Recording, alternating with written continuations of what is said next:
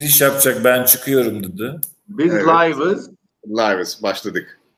Numanı evet. kaybettik süper oldu. Belki geri gelir bilemiyorum. Ben, sahnede olmaktan utanmıştır. Ee, Ömer Bey ve ben bugün Deniz hocamızı kardeş ülke Kıbrıs'tan kardeş demeyelim. Ren geyikleriyle geldi kendisi. Aramıza hoş geldiniz hocam. Hoş bulduk. Nasılsınız arkadaşlar? Merhaba Deniz. Gördük çok iyi Merhaba. oldu. Eyvallah. Ne zamandır sohbet edememiştik. Yayını beklerken biraz geyik çevirme fırsatımız oldu ama devam edeceğiz sanıyorum. Hocam konuşacak konu kalmadı. 10 dakikadan beri konuşuyoruz. Bakalım şimdi ne şey yapacağız. 10 dakikada tükenir mi ya? Bu gece buradayız. Süper. Zaten şimdi şey katılımcılara, dinleyicilere soracağımız ilk soru zaten. Ee, Ali Karabey bıyıklarını boyuyor mu, boyamıyor mu? Üstünde ne yazıyor tişörtünün Rusça? Evet. evet Twitter Twitching üzerinden cevapları alıyoruz. Bakarsanız Twitch ediyor. Hocam ilk soru geliyor hazır mısınız? Hadi buyurun. Nasıl battınız anlatın bize. Yani batmak deyince benim girişimcilikle ilgili naçizane tecrübemi soruyorsun diye anlıyorum. Aynen. Ee, ya şöyle ben işte endüstri mühendisliğinden mezunum. Mezun olmadan önce de e, bir teknoloji firmasında şeye başladım adını sen getir. Danışmanlık gibi böyle. Daha bir mezun olmamış adam ne danışmanlığı yapacak? Orası biraz karışık ama danışmanlık, bilişim teknolojileri danışmanlığı yapan orta küçük boy, çok uluslu bir şirketin Türkiye ofisinde çalışmaya başladım. Satmaya, bana bir takım danışmanlık hizmetlerini satın almış müşterilere support işi yaptırıyor, yaptırıyorlardı. Sonra ufak ufak satmaya da başladım. Ee, hatta bir şekilde e, danışmanlık hizmetini ürün olarak paketleme tecrübem oldu. Kendiliğimden buldum. Yani 99 yılında Y2K 2000 yılı problemiyle ilgili danışmanlık sat dediler bana. Şimdi bu yenir mi içilir mi nasıl satılır? Bir 2000 e, yılı sertifikasyon hizmeti gibi bir hizmet sattım ve bir paket yaparak vesaire. Orada da bir primim oluştu yaptığım satıştan dolayı. Bayağı 1.2 milyon dolarlık danışmanlık satmıştım 99 yılında. Oradan alacağım primi şey sevgili şirketim vermedi. Biz bu kadar satacağını öngörmemiştik.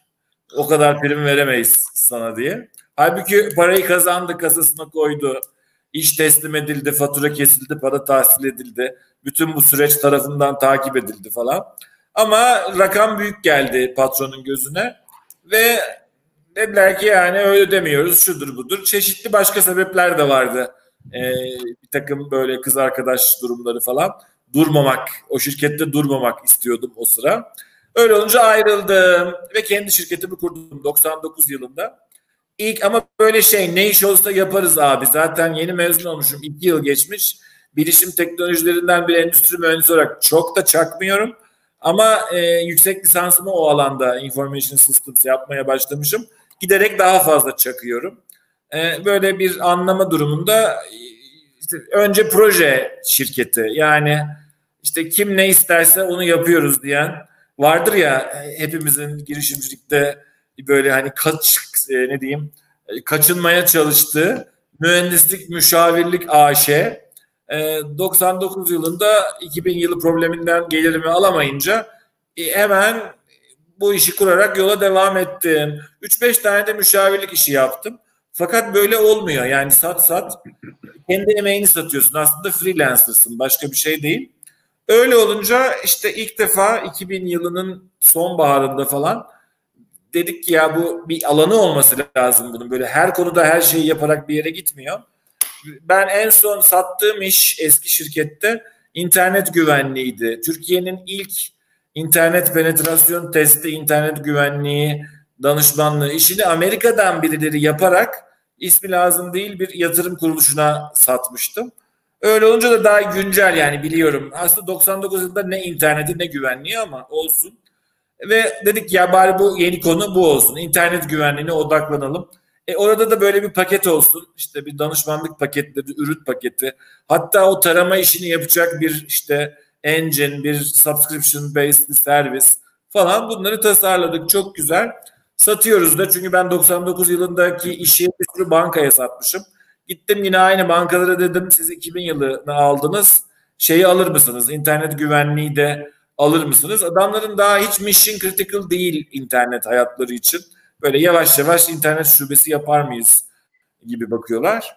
O zamanlar garantili falan internet şubesi var ama çok az bankada var. Biz de onun güvenliğini satmaya çalışıyoruz.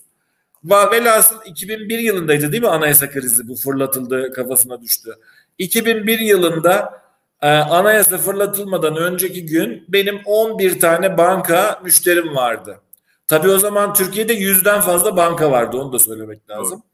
11 banka her ay e, fatura ödüyordu. 12 aylık subscription. Her ay bankanın internet IP'lerini tarıyorsun. Bir tane standart rapor var. Raporunu gönderiyorsun. Bu ayki raporda söylediğini kapatabilmişse o güvenlik açığını ertesi ayın raporunda çıkmıyor. Böyle bir hizmet. 10, 10 bankaya 12 bankaya da satmışım çıtır çıtır paralarını ödüyorlar. Hatta anayasa fırlatılmadan birkaç gün önce Türkiye'nin büyük bankalarından bir tanesi ki şu an yok iflas etti o süreçte. Bize çok büyük bir sipariş geçti işte yani hem danışmanlık hem servis falan. O yıla kadar ki bir buçuk iki yıllık ciromuzun neredeyse iki katını tek projede, tek müşteriden alıyoruz. Böyle kutladık, partiler yaptık falan. Ertesi gün anayasa fırlatılması olayı oldu. Ofiste fax vardı. Fax'tan şey geldi bankada. Sizinle geçen hafta imzaladığımız sözleşmeyi feshediyoruz.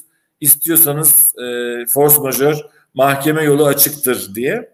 Ve yani bizim o 12 müşterinin tamamı battı bir hafta içerisinde. E, biz 12 müşterinin aboneliği üzerine e, kurduğumuz bir düzen vardı. 8-10 kişi işte çalışanlar, ekip, ofis, görece oyuncaklı bir ofis falan. Ve hepsi bir haftada yok oldu o bankaların. Bugün hepsi ING Bank'ın bünyesinde. Çünkü onu batanların hepsini birileri aldı, o da gitti onu aldı falan. Ben o zaman şeyi öğrendim. Yani bir haftada yani çok tam da evimi taşımışım. E, müşteriyi gidiyor, yeni bir iş aldık, e, ekibi büyüteceğiz falan. Böyle daha güzel bir eve çıkmışım, evi taşıyacağım. Cebimde o batma faaliyeti oldu. Ben evi taşıyacak para yok cebimde. E, böyle çok arabesk bir durum. Hatırlıyorum Burcu Güneş'in bir albümü yeni çıkmıştı. Bu biraz da arabesk bir şarkı söylüyor. E, galiba Müslüm Gürses'in bir şarkısını söylüyordu. E, onu alıp bir yarım kavun, bir miktar bir e, işte kavunun ve yanına ne yakışırsa ondan rakı e, falan böyle et oturup karanlık ve pis evde e, bir kasanın üstünde oturup kavunla rakıyı içip yiyip ah ulan ah ne yapacağız diye düşündüğümü hatırlıyorum. Ve de şeyi anladım yani insan e, bir mutlaka müşterisinin krizini çalışması lazım. Yani be kardeşim senin müşterilerinin tamamı banka. Hiç bakmaz mısın bankacılık sektöründe sağlıklı mı, iyi gidiyor mu, bir kriz olur. Umrum değildi benim. Yani müşteri nasıl olsa bankacılığa bir şey olmaz. Bankacılık hayatının krizine doğru gidiyormuş ama ben bir günden bir güne bu müşteriyi çeşitlendirmeli miyim acaba diye düşünmemişim. E, hikmetinden sonra alınmaz Türk bankalarına güvenmekten.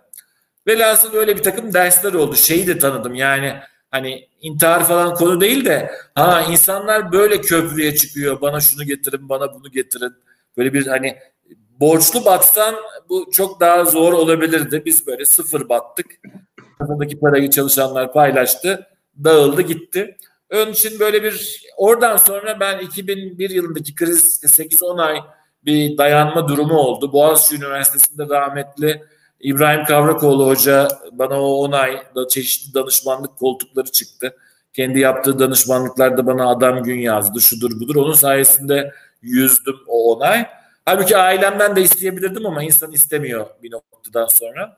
Ve ondan sonra 10 ay geçtikten sonra aynı şirketi bir daha kurdum. İnat da var ya o işi yani işte bir hata yoktu. Benim e, makro çerçeveyi anlamada hatam vardı. Yani git Türkiye dışında satış yap bankacılık dışında başka sektörlere satış yap. Dolayısıyla ha demek ki diversify etmek lazım portföyü. Ürün sabit olsa da başka ülkelere satılabilir. Satamadık başka ülkeye 2001-2002'de ama en azından başka sektörlere de e, yeniden kurunca aynı şirketi satma imkanı oldu. En son işte e, security işini kime satarsın? Telekom operatörü, internet şirketi vesaire. En son müşterim Turkcell oldu. E, Turkcell'e yani batmış şirketi bir daha kurduktan sonra Turkcell'e hizmet satmaya çalışırken Turkcell iş teklif etti. Ben de şirketi ortaklarıma exit ettim. Onlar devam ettirdiler ve batırdılar şirketi. Ama olsun ben o zamandan cebime bir miktar para koyma imkanım oldu. Yani 2003 yılında şirketi ortaklara devredip bir miktar para alarak Turkcell'e girmekle bir doğrudan girişimcilik deneyimi ne, ta o yıllarda daha startup falan denmiyordu bu işlere fark etme imkanı oldu. Sonra melek yatırımcılığı da denedim. E, yani Turkcell'den sonra İTÜ'ye girmeden önce kadro beklediğim dönemde bir startup'a o o zamanlar kendi minik exit'imden edindiğim paranın bir kısmını gömmüşlüğüm var. Dolayısıyla böyle bir şey de oldu. Yani birinci elden startup batırmayı, ufacık bir exit yapmayı, melek yatırımcı olup para yatırıp onu da batırmayı falan böyle hani bir de bir deneyimlemiş oldum. O da empati kurmayı kolaylaştırıyor. Yani diğer girişimciyle, diğer yatırımcıyla hatta kurumsalla bile. Hocam bu çok değerli çünkü yani sizi tanımayan bir insan Teknokent'te işte sunumlar sırasında girişimcilere veya yatırımcılara ders verirken. Ya çok sert değilim ben ya. Yok sert değil bence her zaman e, hep yerindeydi komentleriniz de sizi bilmeyen bir insan yani girişimciliğinizi bilmeyen kendi paranızı yatırıp kaybetmiş olduğunuzu bilmeyen bir insan bambaşka bakar. Ben o yüzden sordum. Hocalar teorik atıyor falan diyen olabilir belki. Aynen nereden biliyorsun ki sen girişimcilik nasıl da zor bir şey diye bir varsayımda bulunabilir diye düşünüyorum. O yüzden bu çok değerli. Ömer Bey'in güzel bir sorusu vardı sanırım inovasyonla ilgili. İsterseniz onunla devam edelim. Aslında şey benim sorum değil de şey işte e, Deniz senin bir e, denk geldim e, tweetine sanırım birisine cevaben yazıyordun. E, işte taklitçilikle ilgili. E, sen de aslında yani kısaca hatırladığım kadarıyla hani e, aslında taklit edilmek bir şekilde bir validasyon demiştin. Yani işte hikayeyi anlatayım. Ee, birisi ki çok iyi tanıdığım biri de değil. Belki niyetini yanlış okumuşumdur. İşte taklit edenler niye ediyor? İşte efendim kafaları çalışmadığından mı işte şerefsiz olduklarından mı böyle yani taklit eden e, klonlayan taklit eden kişilerle ilgili çok ağır bana göre ağır bir takım ithamlar da bulunmuştu. Yani neden taklit ediyor insanlar? Ahlaksız olduklarından mı? Şimdi tweet'i bulup okumak lazım belki ama belki bu kadar sert değildir. Ama ben okuduğumda ya insan bir tek bundan taklit etmiyor. Aslında birbirini e, taklit etmek çok temel bir insan davranışı. E, ben de hani orada şey yazdım yani ben bir startup'ı yaptıysam bu şeydir. Ben e, doktoram benim örgüt kuramı, organizasyon teorisi üzerine. E, organizasyon teorisinde de çeşitli perspektifler var. Bir tanesi kurumsal kuram. Yani sosyal kurumların, normların, e, irrasyonel beklentilerin, ahlakın, dinin, işte makro örgüt, makro çerçevenin insanların davranışını belirlediğini söyleyen bir kuram var. İşte kurumsal kuram. Bir de popülasyon ekolojisi. Bu işe böyle tek hücreli canlılar gibi bakan başka bir kuram daha var. Bunların söylediği şeyler aslında. Kurumsal kuram diyor ki e, taklit etmek temel bir davranıştır. Onu niye insanlar, niye şirketler, niye örgütler taklit eder? Belirsizliği yönetmek için. Yani ortada bir risk varsa, bir belirsizlik varsa başka birinin yapıp başarılı olduğunu zannettiğin bir şeyi onun gibiymiş gibi yaparak aslında sen o belirsizlikle başa çıkmaya çalışıyorsun bir örgüt olarak. Bunu kurumsal kuram diyor. Popülasyon ekolojisi de diyor ki bir popülasyon örgütler, şirketler popülasyonu e, ilk kurulmaya başladığında T0 anında yeni bir şirketin o popülasyona girmesi yani benim tek başına hayatta kalma şansım beni taklit eden bir şirketle beraber, iki şirketle beraber, üç şirketle beraber hayatta kalma şansımdan daha az. Birileri beni tek, taklit ettiği zaman bir şekilde yatırımcının, e, işte çalışmak isteyen kişilerin, personelin, kaynak sahiplerinin ilgisini çekiyorsun. Ve giderek Allah Allah olur mu canım öyle şey diyen insanlar ya bak birileri daha yapıyor demek ki burada bir şey var deyip seni daha meşru kılıyor ve sen de o taklit edilen işinle aslında e, tek başına olsan erişemeyeceğin kaynaklara o meşruiyet sayesinde erişme imkanı oluyor. Bunları ben söylemiyorum. Bunları kuram söylüyor. E, ben de hani biraz tweetleyerek yok canım yani illa e, bir de şey var ya fikrimi çalarlar mı bu Türk girişimcisinin değil sadece Türk değil e, bir mucit profilin temel korkularından fikrimi çalarlar? Kimseyle paylaşmayayım kimse çalmasın fikrimi. Biraz ona da açık buldum bu e, vay kopyalanma aman taklit edilme tehlikesini. E, bunları ne diyeyim harlayan bunları sanki çok büyük problemlermiş, çok ahlaksız hareketlermiş gibi söyleyen şeylerden hep kaçınıyorum ve tersine mesajlar vermeye çalışıyorum. Onun için ben de hani taklit edilmek aslında iyi bir şeydir. Kaynağa erişmenizi arttırır, e, meşruiyetinizi arttırır, başarı şansınızı arttırır ve hani belirsizlikle başa çıkmak için yapıyor insanlar diye bir tweet attım. Tabii bu inovasyon demek değil. E, ama incremental yani inovasyonda 40 çeşidi var. Incremental inovasyon da öyle öyle çıkıyor. Yani işte Trendyol bu shopping club'ları Türkiye'ye getirdi. E, klondu geldiği an itibariyle. Fakat sonra yerel bağlama uymak için bir sürü şeyi değiştirmek zorunda kaldı. İşte ne bileyim depo malı bitti, private label yaptı, dükkan açtı, onu yaptı, bunu yaptı. Yani yurt dışından Türkiye'ye klonladığı şeyi bu bağlamda hayata geçirmek için bir sürü incremental innovation, inovasyon yapmak zorunda kaldı. Dolayısıyla hani bunları da böyle klon çok kötüdür. Aman yani hayat seni bir şekilde bağlamına uydurmaya çalışırken ortamına değişmeye zorluyor zaten. Ha artırımlı incremental inovasyon değil de büyük inovasyon ölüm tehlikesi daha yüksek. Hadi Türkiye'de klonlamadan uzaya roket gönderen startup kuralım. Ne bağlamla alakası var ama çok çarpıcı bir yenilik var. Yani inovasyonun boyutu arttıkça sıçramanın hayatta kalma ihtimali de özellikle kaynağın çok fazla olmadığı bizim gibi ortamlarda daha da zorlaşıyor. Onun için hani bunları doğru koymak lazım. Ben bu mucit profiline ayrıca hani e, dikkat etmeye çalışıyorum. Çünkü eskiden her ay şikayet ediliyordum Cumhuriyet Cumhurbaşkanlığına. Çeşitli bitmeyen enerjiler bu. Çekirdekte biz ne zaman birini elesek e, işte bitmeyen pil, e, sonsuz enerji falan filan ya hiç sekmez. Ayda bir şikayet.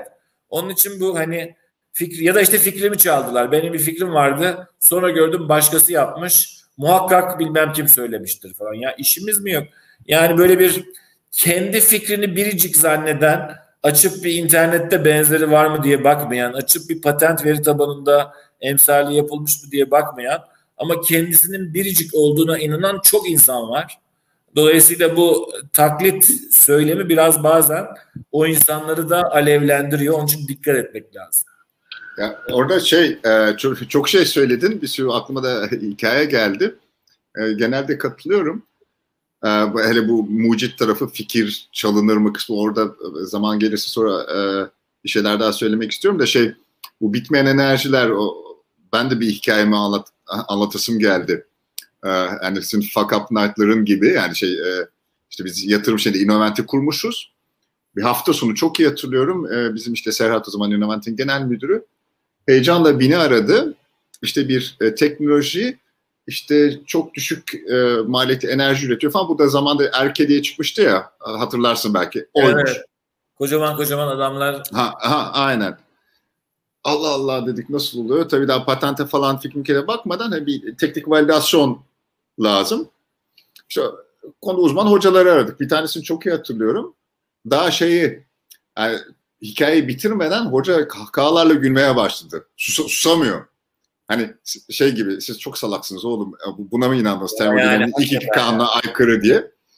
Ee, yani biz daha yani, yani şöyle bizim onu valide edemememiz bir saat sürdü yani böyle bir şey olmazmış hikayesi ama inanmak istiyorsun tabii ama öyle öğreniyorsun. Bu 2005 falan herhalde. Ee, yani Çekirdekte dökümanda yazıyor. İlk başvuruları eleyen prosedür birinci adım. Enerji bitmiyor mu? Evet, ele. Böyle şey çünkü yani süper efficient sistem, kayıpsız sistem. Yani doğru akım devresini ortaokulda gören çocuğun aklına hep geliyor. Lan bu elektron hep akabilir. Yani çünkü elektron kaybolmuyor ya pile geri dönüyor. Potansiyel fark azalıyor mu olsun. Elektron dönüyor. Ben onu biraz daha uzun akıtsam başka şeylerden de dönebilir. Yani her doğru akım devresi gören ortaokul çocuğu bitmeyen enerjiyi düşünüyor. Ama bu yani be, pes biraz geçelim bunu artık yani. Ben bunun çeşitli formlarını gördüm. Bir tanesine mail de atmıştım. Hafif dalga geçmek için. Yani e, mühendis olma neyse ki ben şeye kızıyorum. Eğer eğitimliyse o zaman kızıyorum. Yani öbürüne kızmak doğru değil. Sen toplumsal olarak belli eğitimi, belli olgunluğu sağlayamadıysan o kişi de iyi niyetle bir şeyler yapmaya çalışıyorsa burada dalga geçecek bir taraf yok. Bunu anlatmak iyi ama biraz da dinlemeye, öğrenmeye açık olması lazım tabii karşı tarafın. E, Teknokent'in bir tane standında bir amca gelmişti. Ne o Teknokent'in başına bir tane endüstri mühendisi koymuşlar bizim projeyi eledi anlamadı beni aşlıyor. Benim dedim o endüstri mühendisi. Ne, ne diyorsun? İşte biz proje yaptık da anlamadılar. Türkiye'nin enerji sorununu çözecektik şudur budur. Yani e, işte bu yattığı yerden para kazanma çok kötü bir şey. Bizim kültürün bir yerinde var. Yani aslında temelinde şey var. Biz bir kere bir şey yapacağız ve hep çalışacak o. John Ahmet'in devri daim makinesi. Ee, yani aslında emek vermeden para kazanmanın çeşitli kültürel formları bunlar. Bitmeyen enerji falan da öyle. Yani mümkün mü çalışmadan bir üretim olmasını? Yani ahlaki, dini, çeşitli menkıbelere kadar dayandırılabilir. Sen emek vermeden bir sonuç alamazsın yani. Bu en temel her çeşit ahlakın temeli. Ama biz istiyoruz ki böyle şey yani çok çalışmadan para kazanalım. Sistem hep çalışsın, enerji sorunu, dünya barışı falan. E, e, ama olmuyor işte öyle yani. Keşke olsun. Yani şeyde hukuk fakültesinde benim e, favori sorumdur. E, söylerim de bunu sorarım size diye. E, patent alamayacak bir buluş e, alamaması sebebiyle sanayiye uygulanabilir olmaması buluş olmasına rağmen derim. Onda cevabı yani en, en klasik örnek işte şey perpetual motion machine'dir. Aynen. Ve, ve yani doğru da yazın. Perpetual kelimesinin nasıl yazılacağını da lütfen çalışın diye söylerim. Ee, çok var. Mesela patent başvurusu. O geçen yani bir iki sene önce yayınlanmıştı. Perpetual Motion Machine temalı patent başvurusu sayısı diye bir USPTO e, yayınlamıştı. Yani bu sırf bize özgü bir şey değil. Tabii tabii çok doğru. İnsanlık açısından söyledim. Hı. Bu Türkiye vurma, Türkiye'ye vurma Hı. lafı değil. Yani Hı. insanlık seviyor böyle şeyleri diye. Ee, bir tane hiç unutmuyorum. Arabanın üstüne rüzgar gülü yapmış arkadaş. Rüzgarla şeyi e, ona mail attıydım işte. Arkadaşım tekerler zaten dönüyor. Niye ekstra da yük yükledin arabaya diye. Yani, yani bir de çizmiş o rüzgar gülünü falan. Yani hakikaten tekerler zaten dönüyor ve eselden beridir o aküler şarj oluyor. Ama her nedense o enerji ona yetmiyor yani bir düşünelim. Senin arabanda akü ışığı yanmıyor mu güzel kardeşim? Ee, dolayısıyla hani sürtünme falan neyse bu çok bile konuştuk bu konuyu. Termodinamik yasalarını önerge vererek değiştiremeyiz. Yani termodinamik yasaları üniversitel her bölümden insana 10 dakika da olsa öğretmek şart. Kesin doğru. Ee, işte de yani çok nadiren iyi eğitim almamış mühendisten de geliyor Perpetual Motion Machine. O zaman kızıyorum işte. Yani e, sen bir şekilde üniversite diploması aldıysan özellikle fen bilimleri alanında termodinamik dersi okumadıysan bile şu Google çağında yani e, bir araştır ya. Yani bana göndermeye kadar emek verdiysen iki de Google search yap yani. Eskiden biz daha gençken çocukken bilgiye ulaşmak çok zordu. Şimdi her yerden damlıyor. İnsanın gözünü, burnunu, kulağını kapatması lazım. E, bunlardan kendini ağza tutabilmesi için. Aslında bizim bir toplanıp şey yapmamız lazım. Çünkü bizde de yani Innovent zamanında özellikle çok var. Innovent biliyorsun 2000, e, 2005'in sonunda 2006'ın başında kuruldu. O sıralarda çok yoktu yani bu hızlandırıcı, inkübatör, yatırım yapma kabiliyeti olan. Tektik biz. Duyan da geliyordu o, o yüzden. Para varmış diye para var işte buluşlara yatırım yapıyorlarmış işte yani o kulaktan kulağa da çok e, farklı yayıldı. Yani e, bizim portföyde bayağı bu hani zihni sinir projeleri yani bir de o zamanlar ben de daha yani genç ve tecrübesizim. Hani bundan iş olmasa git işine diyemiyorsun. Biraz hani işte yaşlı başlı bir amca gelmiş oraya kadar zahmet etmiş bir dinlemek istiyorsun. Hani belki bir şey çıkar sonra hani utanıyorsun adamı olmaya falan. Çok birikmişti. Bizler aslında şey yapıp böyle hepimiz bir araya gelip bir kitap yapmamız lazım. Dinlediğimiz yeni sinir projeleri diye.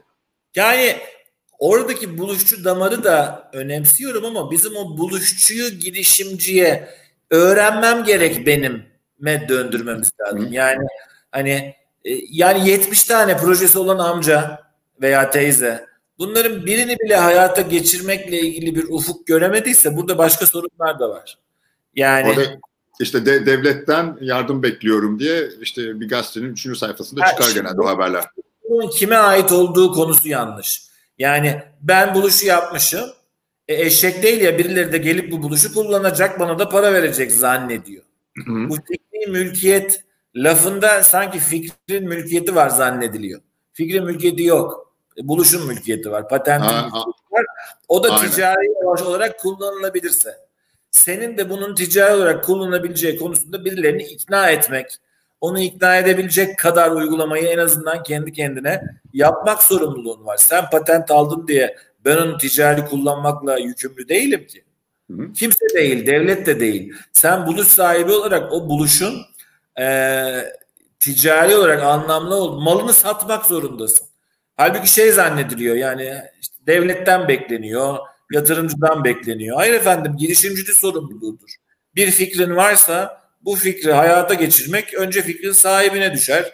Çünkü babacığım rahmetli şey derdi yığma çakıl sokma akıl durmaz diye.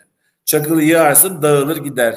Bir adama bir şeyi akıl ver akıl ver herkes kendi aklıyla davranır. Yani onun için senin iş fikrine ben zaten sen gibi uygulayamam. E, eğer uygulayabiliyorsam o ne leş bir fikirdir yani. Ee, hani Maslak'ta kafe açalım fikri. E, yani içinde bir fikir yok o zaman. Eğer sen söyler söylemez ben alıp yapabiliyorsam o zaman zaten fikirde bir şey yok yani. E, işte ben, ona internet kafe örneğini diyorum. Ali şeye sorayım sana. Şimdi bu klonlardan geldik. Hani çünkü bence Deniz ilginç bir şey söyledi. Hani e, klon o kadar kötü bir şey değil aslında dedi. Yani bir sürü örnek var yani bizim pazarda da var, dünyada da. Yani siz mesela 212 olaraktan bir klon iş modeli gelmiş. Ee, aa, bu işte zaten Amerika'da var, İngiltere'de var deyip dikkate almaz mısınız yoksa dinler misiniz yani? Ben bir kere klonlama inanmıyorum. Ee, çünkü dediğim gibi bence bir fikri Aa, bunu biz de yapalım demek e, zaten işin daha ilk adımı. Onu başarılı yapmak için ihtiyaç olan çok daha fazla şey var. Hocamın da söylemiş olduğu gibi. Hı-hı. Yani bakarsak Trendyol da klon, Yemek Sepeti de klon, işte e, Peak Games de klon. Öyle değil mi? Yani bunun arasında orijinal bir fikir yok o zaman düşünürseniz. Bence bazen bu iyi fikir sahibi insanlar girişimciliği çok gereğinden fazla küçümsüyorlar. Yani önemli olan evet fikir önemli ama o fikri yıllar boyunca büyüterek, geliştirerek değişen piyasa koşullarında hele Türkiye gibi bir yerdeyse günlük bazda koruyarak daha güçlendirmek bambaşka bir yetenek gerektiriyor. İcraat kabiliyeti hani politikacı olsa icraatçı politikacıyla hikaye anlatan politikacının arasındaki fark gibi. Yani öyle değil mi hocam? Yani çünkü fikir var çok güzel ama yani onu sahiden gerçekleştirmek, insanlara vermek, fiyatlandırmasından e, customer service'ine kadar bir şirket haline getirmek bambaşka bir olay. Ve de o büyümeyi de yönetebilmek. Yani sen bir şekilde işi tutturdun, iş büyüyor. Şimdi oraya kadar başka bir dert, oradan sonrası başka bir dert. Yani Zaten işte nasıl o şirketin kültürünü, operasyonu, hiçbir sisteme olmayan, her sistemini yeni kuran e, ve hızla büyüyen bir şirkette her şey sorun. Operasyon, insan kaynakları, finans, yani bütün bu sorunları çöze çöze o şirketi tozlamadan büyütmek en önemli yetkinliklerden yani, yani en önemli beceri ben bana göre. Yüzde yüz. O yüzden yani ben klondur, değildir ona bakmıyorum. Biz neye bakıyoruz? Bu şirket imkanı da çıkabilir değil mi? Yani onu da exit dersin belki. Tabii ki bir de yani işte. klon diye bir şey kalmadı ki dünyada. O kadar sofistike, o kadar çok yetenekli insanın odaklanıp e, birbiriyle yarıştığı bir dünyada yaşıyoruz ki fikrin önemi kalmadı. Tam tersi dediğiniz gibi günlük fazla sen bu başkasından daha iyi ne yapıyorsun önemli aslında. Ve bu günlük bazda belki de saatlik bazda olması gereken hareketler ve refleksler. O yüzden e, örneğin 212 kurulduğu günden beri NDA imzalamaz. Biz imzalamayız NDA. Yani biz de imzalamayız. imzalamayız. Hı. Niye diye sorarlar imzalamıyorsunuz. Çünkü işte konuştum 3000'e yakın şirket var. Eminim daha önce benzer veya benzer olduğu düşünülebilecek bir fikir gelmiştir bana.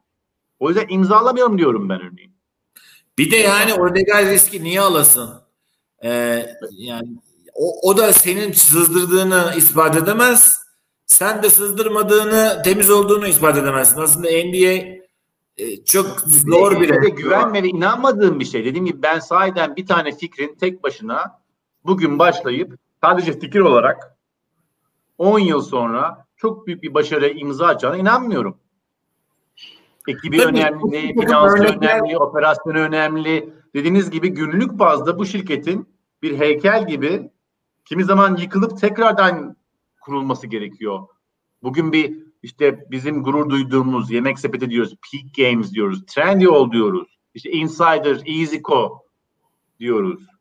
Bence çok büyük e, şeyler atlatmış şirketler. Asla bir tane fikir, fikir değil hiçbiri. Ali şurada da bir sıkıntı var yalnız. Ee, yani yatırımcı tayfası her boy olabilir. Ee, daha az profesyonellerinde daha sık görünüyor. Ya bu fikir iyiymiş ama bu adam yapamaz. Dur ben çalıştığım birine söyleyeyim de o yapsın yani onun batacağı yüzde yüz. Ama bu tür denemeler biliyoruz piyasada, geçmişte, Türkiye'de. Yani ben bir 3-4 tane sayabilirim.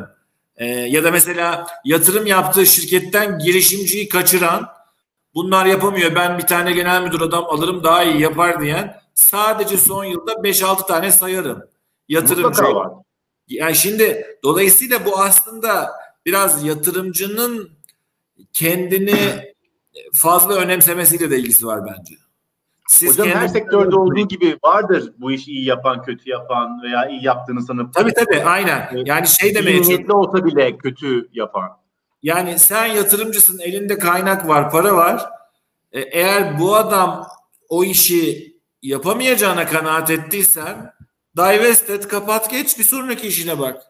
Doğru. Sen niye onu bir başkasıyla kurgulatmak ve yine böyle o, o belli olmayan bir liderlik, belli olmayan bir girişimci bile olmayan birine memur ediyor ederek bu konuyu başarılı olacağını kim düşündürüyor? Yani ben maalesef işte İstanbul girişimcilik ortamında 3-4 tane startup biliyorum. Azınlık hissedarına düşen kurucuların ve kurucuların daha sonra kaçırıldığı yani şirketten yolda. Tabii yani herkes diyebilir ki efendim işte Zuckerberg de bilmem ne ya da ne bileyim işte Apple'dan da bilmem gibi kaçırmışlar.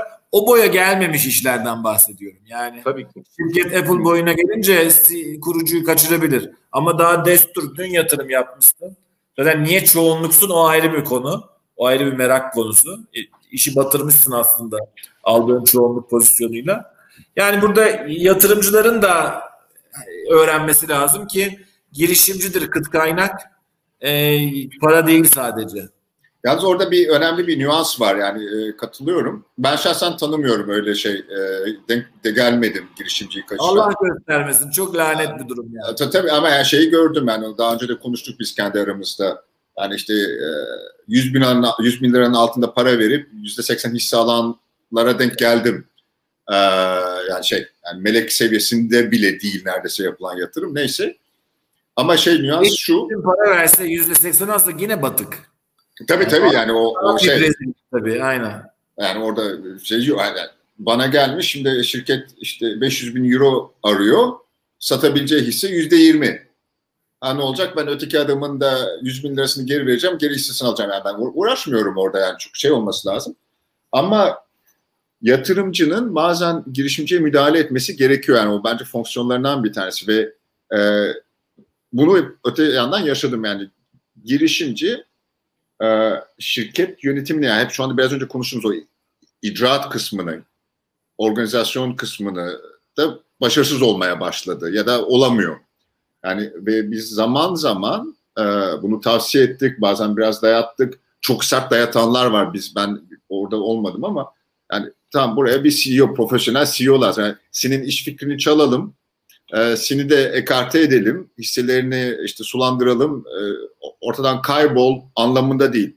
Bak kardeşim sen mesela CTO rolüne çekil, day to day business'ı, operasyonu yönetecek bir profesyonel adam getirelim. Bana çok mantıksız gelmiyor.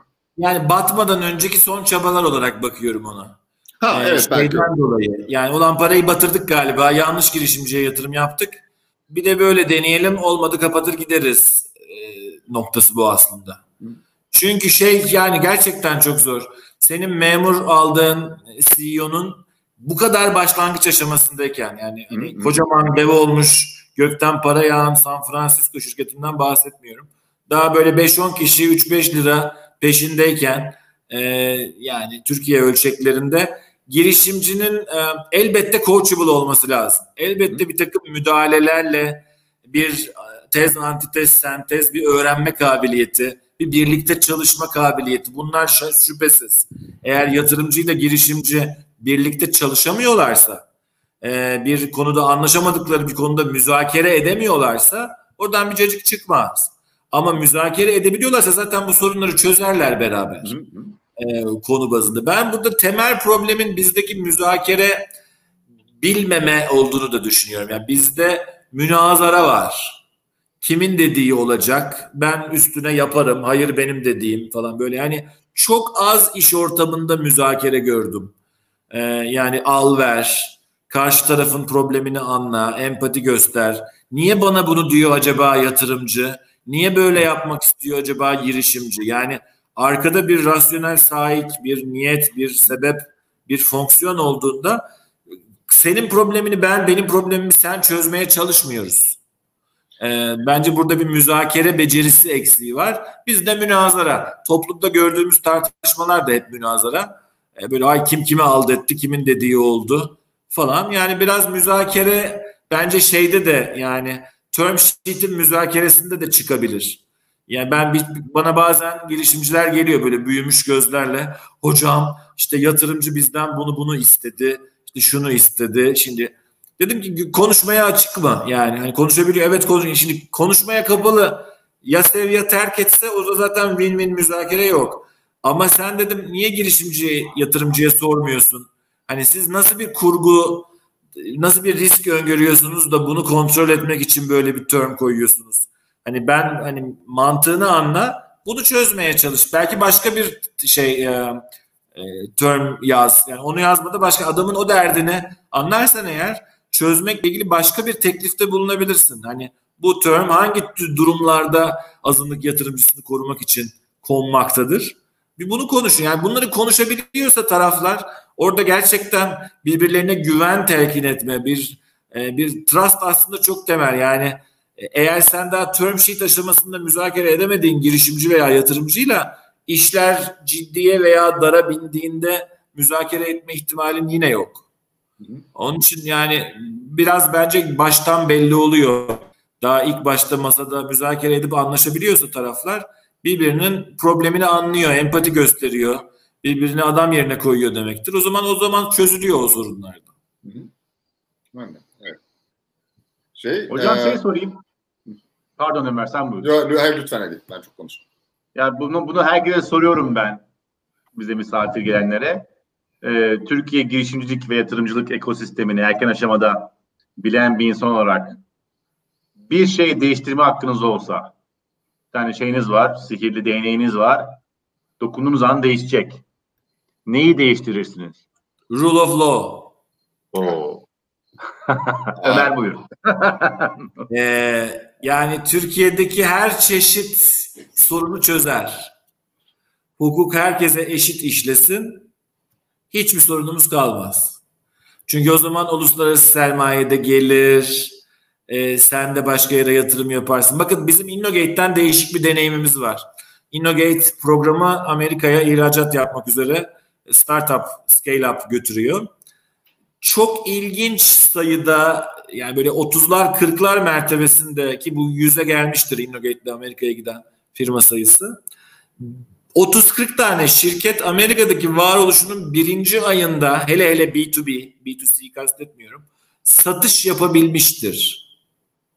Nasıl ya? Yani Türkiye'ye destur Azerbaycan'dan bir şirket gelsin veya Kuzey Kıbrıs yani bir yerden kurulduğunun birinci ayında büyük bir kurumsal müşteriye satış yapması bence düşünülemez. Hayatım kurumsal müşteriye satış yaparak geçti pratik zamanı.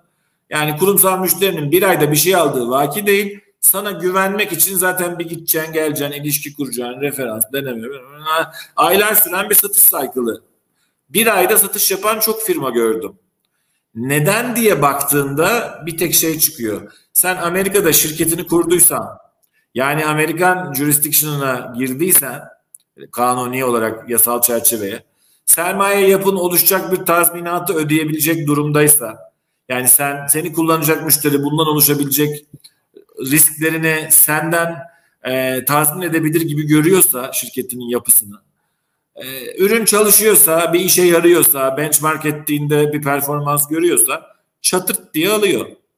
Ben müşterilerle de konuştum. Nasıl aldınız, niye aldınız diye. E hakkım kalmaz ki benim diyor. E, mahkemeye gider alırım eğer bir kayba uğrarsam. Şimdi bu bence çok temel. Trust, güven işinin iki kaynağı var. İki insan, iki agent, iki piyasada, pazarda alışveriş yapan iki basiretli tüccar birbirine ne zaman güvenir? Bir formal, resmi, formal kaynakları var. Bir gayri resmi, en formal kaynakları var. Formal kaynağı hukuk. Amerika'da çalışan. Yani ben sözleşme yapıyorum. Hem de böyle hani sayfalarca bir sözleşme değil. Gayet basit, temel bir sözleşme. Ve olmadı mı mahkemeye gider hakkımı alırım kısa sürede diyorsan zaten piyasa kendiliğinden çalışmaya başlıyor. Bizde o iş o kadar öyle olmadığı için sadece şimdi de değil belki hiç olmadığı için yani 70-100 yıl bilmiyorum yani temelde biz bu medeniyet Batı medeniyetinin kurabildiği ve diğer medeniyetlerin bir türlü kuramadığı şey belki bu. Yani biz biz formel güveni kurgulayamayınca o zaman geriye ne kalıyor? PR, basın bülteni, peşrev, tanıma, referans, bir git gel bakalım, çayımızı iç falan. Sana güvenmek için başka şeyler toplamaya başlıyorum. Ve o zaman alıyor. Ve piyasa çalışmıyor. Yani e, piyasa mekanizması çalışsa girişimcinin de hayatı daha kolay olur. Daha kolay kaynağa ulaşır. Piyasa mekanizmasının çalışmasının iki unsuru var. Ya bir sürü unsuru var da bizde en aksayanları. Bir bazı piyasalar kendiliğinden tekelleşme eğilimi var. İşte ağ piyasaları, networkler, şebekeler e, ya da işte kamusal tekeller. Onlarda regülasyon, bazı piyasalarda regülasyon lazım. Devletin rekabeti koruyucu karar alması. E bir de hukuk yani sözleşme, mahkeme. O zaman göğsünü gere gere çalışır her şey. Para da gelir, girişimci de işini yapar diye düşünüyorum. Bu şey NDA'leri konuşuyorduk ya. E, hep düşünmüşüm evet. hani tamam hani bizim genellikle yatırımcılar fonlar 212'deyim şey 212 gibi biz de DCP olaraktan da imzalamayı imzalamazdık. Ama hadi imzaladık. Ya da başka bir ticari ilişkide yani daha sık e, olan bir yerde NDA'yı imzaladın. Ama Ve bir sır var. Kimi nereye götüreceksin? Onun çözülmede ne kadar, hangi sır nerede kalacak? Yani e, o, hukuk sistemi iyi çalışmadığı zaman o, o muğlak şeyde yani NDA'ye harcadığınız zaman harcadığınız zaman oluyor. Ondan sonra bir dokümanın var ee, ve bir, bir şey yaramıyor aslında. Yani orada çok katılıyorum tabii hukukçu olaraktan rule of law. Ee, bir de şey de var yani NDA daha birinci dakika destur 10 sayfalık pitch gösterecek bana. NDA ne NDA güzel kardeşim. Yani sen o şirkete eleman almak için bile o düz açık bilgiyi paylaşmak zorundasın. E, ticari sırrını paylaşma benimle ilk 10 slaytta. Patentinin kenarı köşesi varsa anlatma. E, ben onsuz da seni tanıyıp önemseyebilirim yani. Ben hep bu konularda biraz deyip tek ama örnek veririm. Bizim bir tane e, Teknokent'te şey var. E, pil Star. Tabii ki maalesef başka başka arabesk durumlar var ama böyle bir pilin katmanları var malum. O katmanları polimerle birbirine saran bir startup. Yani Bili- biliyorum hangisi olduğunu ama. Şarj, şarj deşarj edince pil şişiyor, büzüşüyor, pil dağılıyor diye bütün dünyada polimer sarmaya çalışıyorlar. E, lityum iyon player'larının arasında. Bir sürü grup var bununla uğraşan.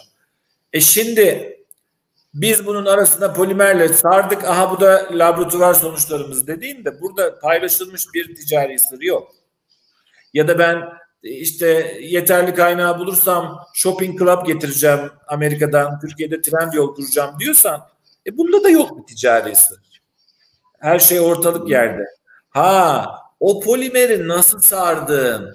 İşte efendim private label ürün yaptığında bunu Türkiye'de kimden tedarik ettiğin falan ne bileyim yani böyle hakikaten bir sos paylaşıyorsan onu zaten ilk günden paylaşma yani. Ne ne ben anlamam da o secret sauce'dan. Ama iş bir noktada artık due diligence, iç çamaşırlarının dökülmesi, bütün mahremin paylaşılması noktasına geldiğinde o başka bir NDA. Yani o due diligence öncesi sen şirketin bütün defterlerini bana açacaksan o biraz basiretli tüccar olmanın gerekliliği olarak kendini güvenceye alma ihtiyacı. Bence ikisini de ayrı düşünmek lazım. Şey yaparsak yani bizi yatırımcıları e, eleştirmek gerekirse ne değiştirirsiniz? Biz Türkiye gelişmekte olan bir ekonomi. Hep de öyle. Ve gelişmekte olan ekonomileri tarif eden temel özellik e, kaynak sıkıntısı. Yani tasarruf açığı var. Büyüme için yeterli para yok. Para altın. Bundan dolayı yatırımcı yani hani tek tek insanları demiyorum ama kapitali elinde tutanların sahip olduğu güç çok asimetrik. Domates satılıyor bir yerde. Evet. Girişimci geçiyor. Ömer'in şeyi geldi, siparişi geldi galiba. yani parası olan çok fazla. Bir de şey de öğrenmişiz yani bir şekilde ben melek yatırımcıysam ve bir şekilde ticaret hayatında para kazandıysam egolar çok büyük. Ben nasıl para kazanılacağını biliyorum. Senin işini de senden iyi biliyorum. Hayır bilmiyorsun ama biliyorum işte zengin oldum ya ben bir kere. Burada profesyonel yatırımcı, VC fonu kastetmiyorum çoğunlukla. Ee, daha kapitali elinde tutan e, zenginden bahsediyorum. Oralarda yani insan hatta birinci kuşak internet zenginlerini de katabilirim buna. Ee, bazen e, birinci kuşak internet zenginlerinden işte ilk tur bu işleri yapıp bir para kazanan bir birileri var. Bazen panellerde manellerde görüyorum. Çok abes şeyler de söyleniyor. Ee, yani biraz oraları geçtik yani. O zaman dutluk da her yer. O tarlalarda dutlar yapıldı bitti. Artık şimdi başka bir e, durum var. Yani şey demeye çalışıyorum. E, kendi bildiğinden şüphe etmiyor kimse. Girişimci de şüphe etmiyor, yatırımcı da şüphe etmiyor. Halbuki ulan acaba karşı taraf doğru söylüyor mu diye bir kaygısı olmayan adamın bu işte ne işi var yani. Girişimcilik dediğin şey critical düşünme, kendini sorgulama, temel kabulleri, assumption'ları sorgulama.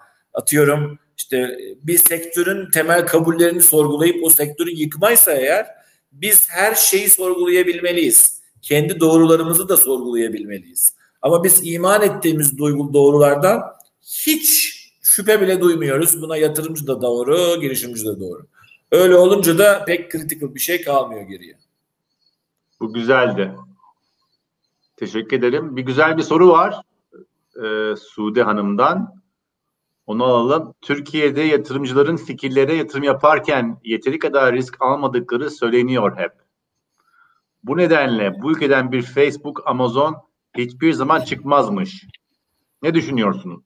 Şimdi yeteri kadar risk ne demek? E, risk kişiye aittir. Daha risk iştahı yüksek olan, daha risk iştahı düşük olan. Aslında girişimcinin ödevi işte bir takım o riski yönetebilmeye çalışan yatırıma, yatırımcıya çeşitli ipuçları, doneler, traction, işte sok, gözde parlayan ateş, sokağa çıktım bunu sordum. Aha bu prototipi şurada test ettim. Bu ürünü 5 kişiye sattım geldiler bir daha aldılar. Çeşitli unsurlarla bu riskin aslında daha düşük olduğunu ikna etmek o riski de yönetmek yani sadece ikna amaçlı değil. Ulan benim bu işim gerçekten tutacak mı? E, deneyeyim bunu hem kendim emin olayım yıllarımı harcıyorum. Yani belki ömrümü boşa harcıyorum. Yani sadece yatırımcıyı kafalamak için değil. E, yani belki de başarısız olacak benim işim. Yani ben kendime inanıyorum ama kendime de göstermem lazım. E, çalışanıma da göstermem lazım. Yatırımcıma da göstermem lazım. Dolayısıyla bu riski sürekli aşağıya çekme işi. Risk aşağıya geldikçe çarpan azalıyor. E, değerlemen yükseliyor çünkü sen girişimin riskinin ne kadar az olduğunu gösterebilirsen başarı potansiyeli o kadar yükseliyor. Değerleme de görece olarak gelecek beklentisinin büyümesinden dolayı artıyor. O zaman da girişimci yatırımcının çarpan iştahı azalıyor. Dolayısıyla burada kimi yatırımcı vardır daha yüksek çarpanla e, mobilize olur. Kimi yatırımcı vardır daha düşük e, çarpanla hareket eder. O da herkesin kendi risk iştahı iş modeli. Ama bizde Facebook, Amazon çıkmamasının başka sebebi var. Sen Facebook, Amazon, Twitter, hadi Amazon çok şahsına münhasır bir örnek. Amazon Amerika'da bile bir daha çıkar mı bilmiyorum. Ee, ama yani büyük giriş internet ya büyük yat, girişim o boya gelene kadar kaç milyon dolar yakılıyor uluslararası ulusal yatırım finans sisteminden. Türkiye'nin o kadar milyon dolar yakacak fonu da yok. Hadi bulduk. Amazon, Deniz kurdu Mamazon. Ben Mamazon kurdum burada. Şahane Amazon. Yatırım aldık. 212 yatırdı, Collective Spark yatırdı, Revo yatırdı. Hep beraber yatırdılar. Türkiye'deki bütün kaynağı ben emdim. Başka kimseye kalmadı. E yine bitti. Yine yani uluslararası finans kapitaline ulaşmadan e, sadece Türkiye'deki yatırımcılar değil, dünyadaki yatırım kapitalini çekmeden o boya kimse gelemez. E, onun için de yani mesela UiPath var. Romanya'dan çıkmış e, şey unicorn. Ne zaman unicorn oldu? Bastona taşınınca. Ee, yani Romanya'dayken unicorn olmadı. Romanya'da hala bir development altyapı şudur budur var ama artık headquarter Amerika. Burada böyle bir boyut da var. Yani ne diyeyim çok da fazla romantik olmaya gerek yok. Bu konu biraz da bir din gibi yaşanıyor. Ve neticede bütün kapitalin iki tane tartışma var. Kapital ve beyinler Amerika'ya mı göçecek? San Francisco'ya, Boston'a, Austin'e bilmem ne bulundukları yerde de olabilirler mi? Yani bu Avrupa Birliği'nin de tartıştığı bir konu. Avrupa'da da çıkan en iyi startuplar daha da büyüyebilmek için Amerika'ya gitmek durumunda kalıyorlar. Avrupa Birliği de bir politika olarak Avrupa'da tutarak büyütmeye çalışıyor bunları. Uluslararası finansı Avrupa'ya çekerek.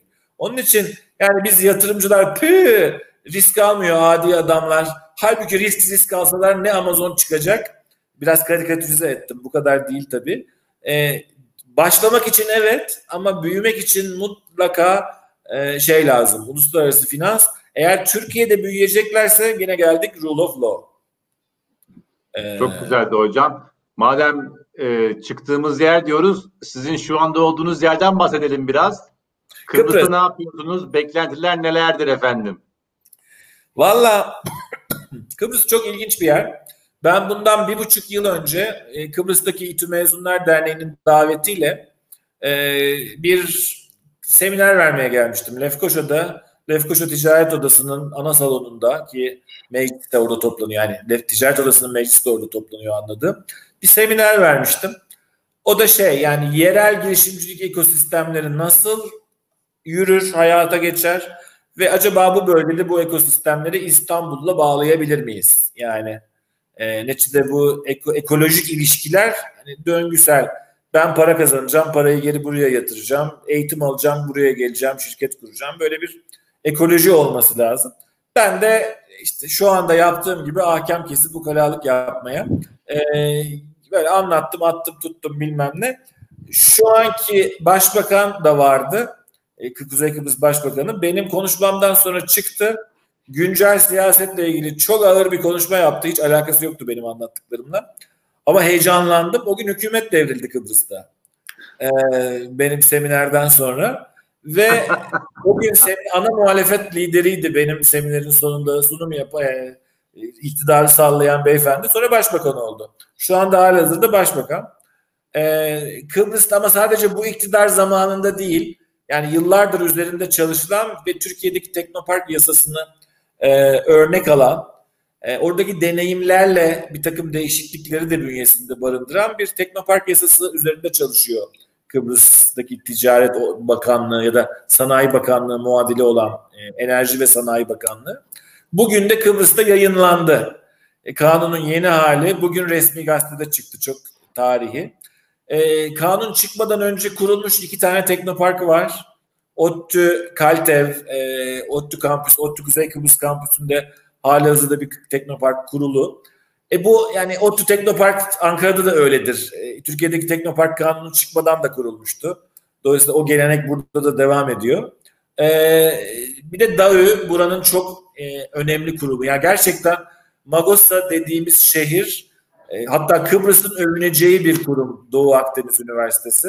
Güney Kıbrıs'ta üniversite yokken Kuzey Kıbrıs DAÜ'yü kurabilmiş ve dünya üniversite sıralamasında çok iyi yerlerde bu D'da falan ilk 200'de olan üniversitelerden biri DAÜ, Doğu Akdeniz Üniversitesi. Ve gerçekten bir birikim var. Doğu Akdeniz'in de bir takım teknokent denemeleri var. Ee, ve yani bir bina içinde bir takım şirketler, bir minik ekosistem oluşmaya başlamış. Bana biraz hodri meydan oldu. Yani ben o gün seminerde anlattım ya öyle olur böyle yapmak lazımdır işte kültür falan filan. Ee, Teknokent'ten bırakınca na, bir tane minik bir köpecik almıştım. Böyle spor yapıp biraz insan aldım son yıllarda. Köpeğimi gezdirip e, sporumu yapıp paper'ımı basmayı düşünürken hadi gel bakalım e, Kıbrıs'ta bir şeyler yap dediler. E, ben de Antalya'da niye iti yok diye hep bozulan biriyim. Yani İzmirliyim orijinalinde. Böyle okuldan çıksak da plaja gitsek falan. İstanbul'da yani gerçi Kilyos yakın ama yani İstanbul bir Akdeniz kenti değil o manada e, mevsimin uzunluğu bakımından. Hep biz bir takım arkadaş grupları ya İTÜ'nün İzmir'de kampüsü olsa İTÜ'nün Muğla'da kampüsü olsa, niye Antalya'da İTÜ yok falan diye böyle denize yüzmeyi ve güzel iklimi önemseyen bir arkadaş grubum var. E öyle de bir ihtimal çıkınca yani e, biraz ilginç geldi doğrusu. Acaba yani burada gerçekten un, yağ ve şeker var. Fakat ekolojik ilişkiler henüz dönmüyor. Yani parası olan var yatırım yapmıyor. Eğitimli adam var az startup kuruyor. O startup bu parayla buluşmuyor. Onlar hep beraber müşteriyle buluşmuyorlar. Ee, benim buradaki beklentim daha ufak. Yani ülkenin kaderini değiştirmeye gelmedim. Ama ufak çaplı birkaç hareketlenme sağlayabilirsek mesela burada bir kuluçka merkezi kuralım. Startuplara destek olalım. Ee, işte startuplar buradaki parayla, buradaki yatırımcıyla, belki sayenizde İstanbul'daki yatırımcıyla 212 gelsin burada yatırım yapsın.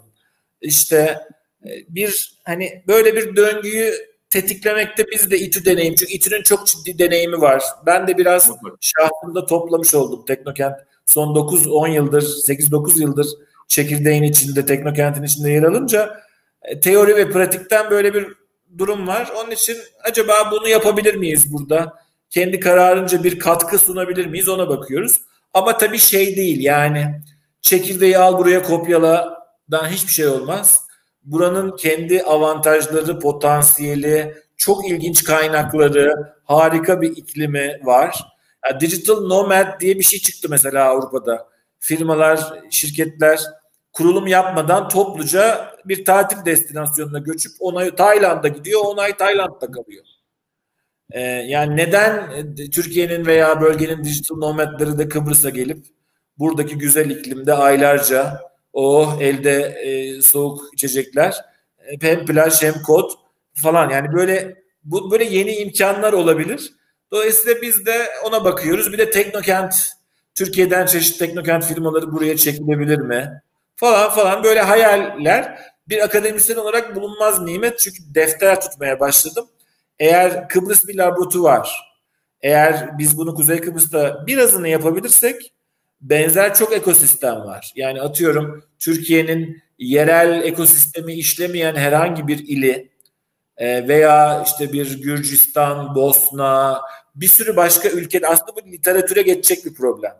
Yani yerel ekonomilerde girişimcilik ekosistemleri nasıl filtrelendirilebilir bir paper, bir araştırma konusu da olabilir. Hatta bir tane de doktora öğrencim var şu an. Acaba onun tezini buraya doğru mu, bu meseleye doğru evirsek mi diye düşünüyoruz. Yani hem pratik hem teorik açıdan bana e, ilgi çekici e, geldi.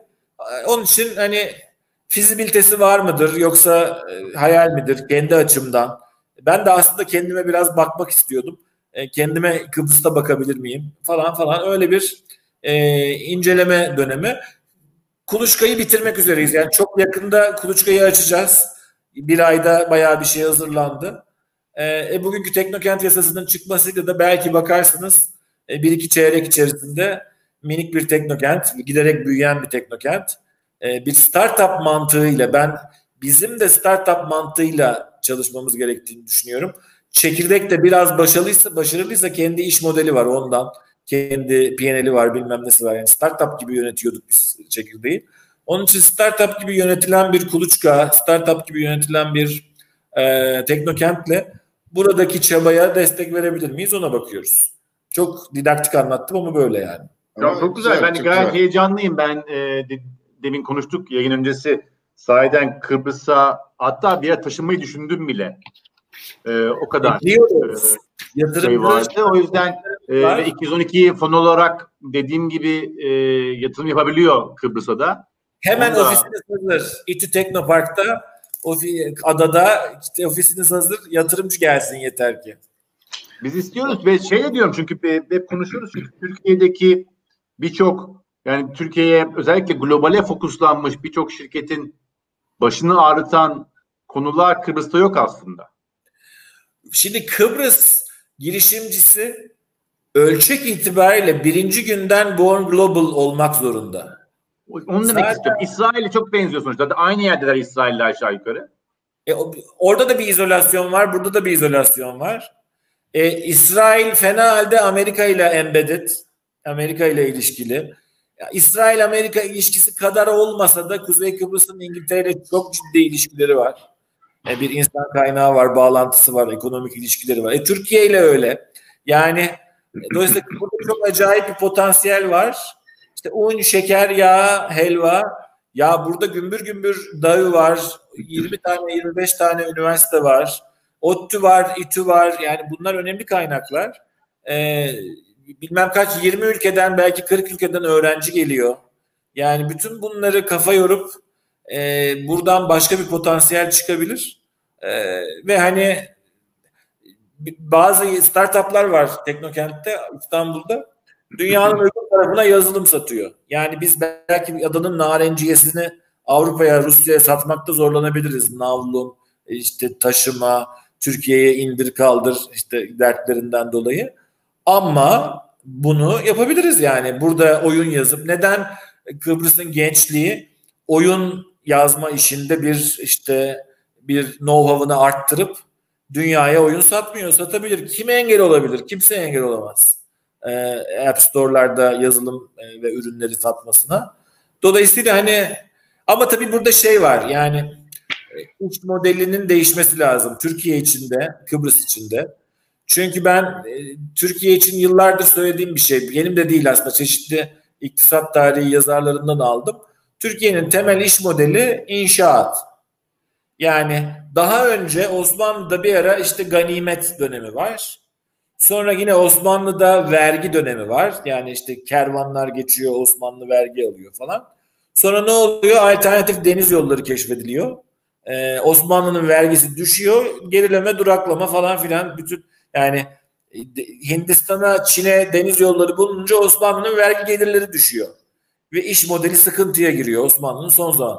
Cumhuriyet'in iş modeline maalesef Cumhuriyet'in iş modeli ya baktığımızda tabii bir sanayileşme kalkınma var ama aynı zamanda köydeki nüfusu kente göç ettirip göçüp onu sanayi işçisi ve tüketici yapıp ekonomik büyüme var.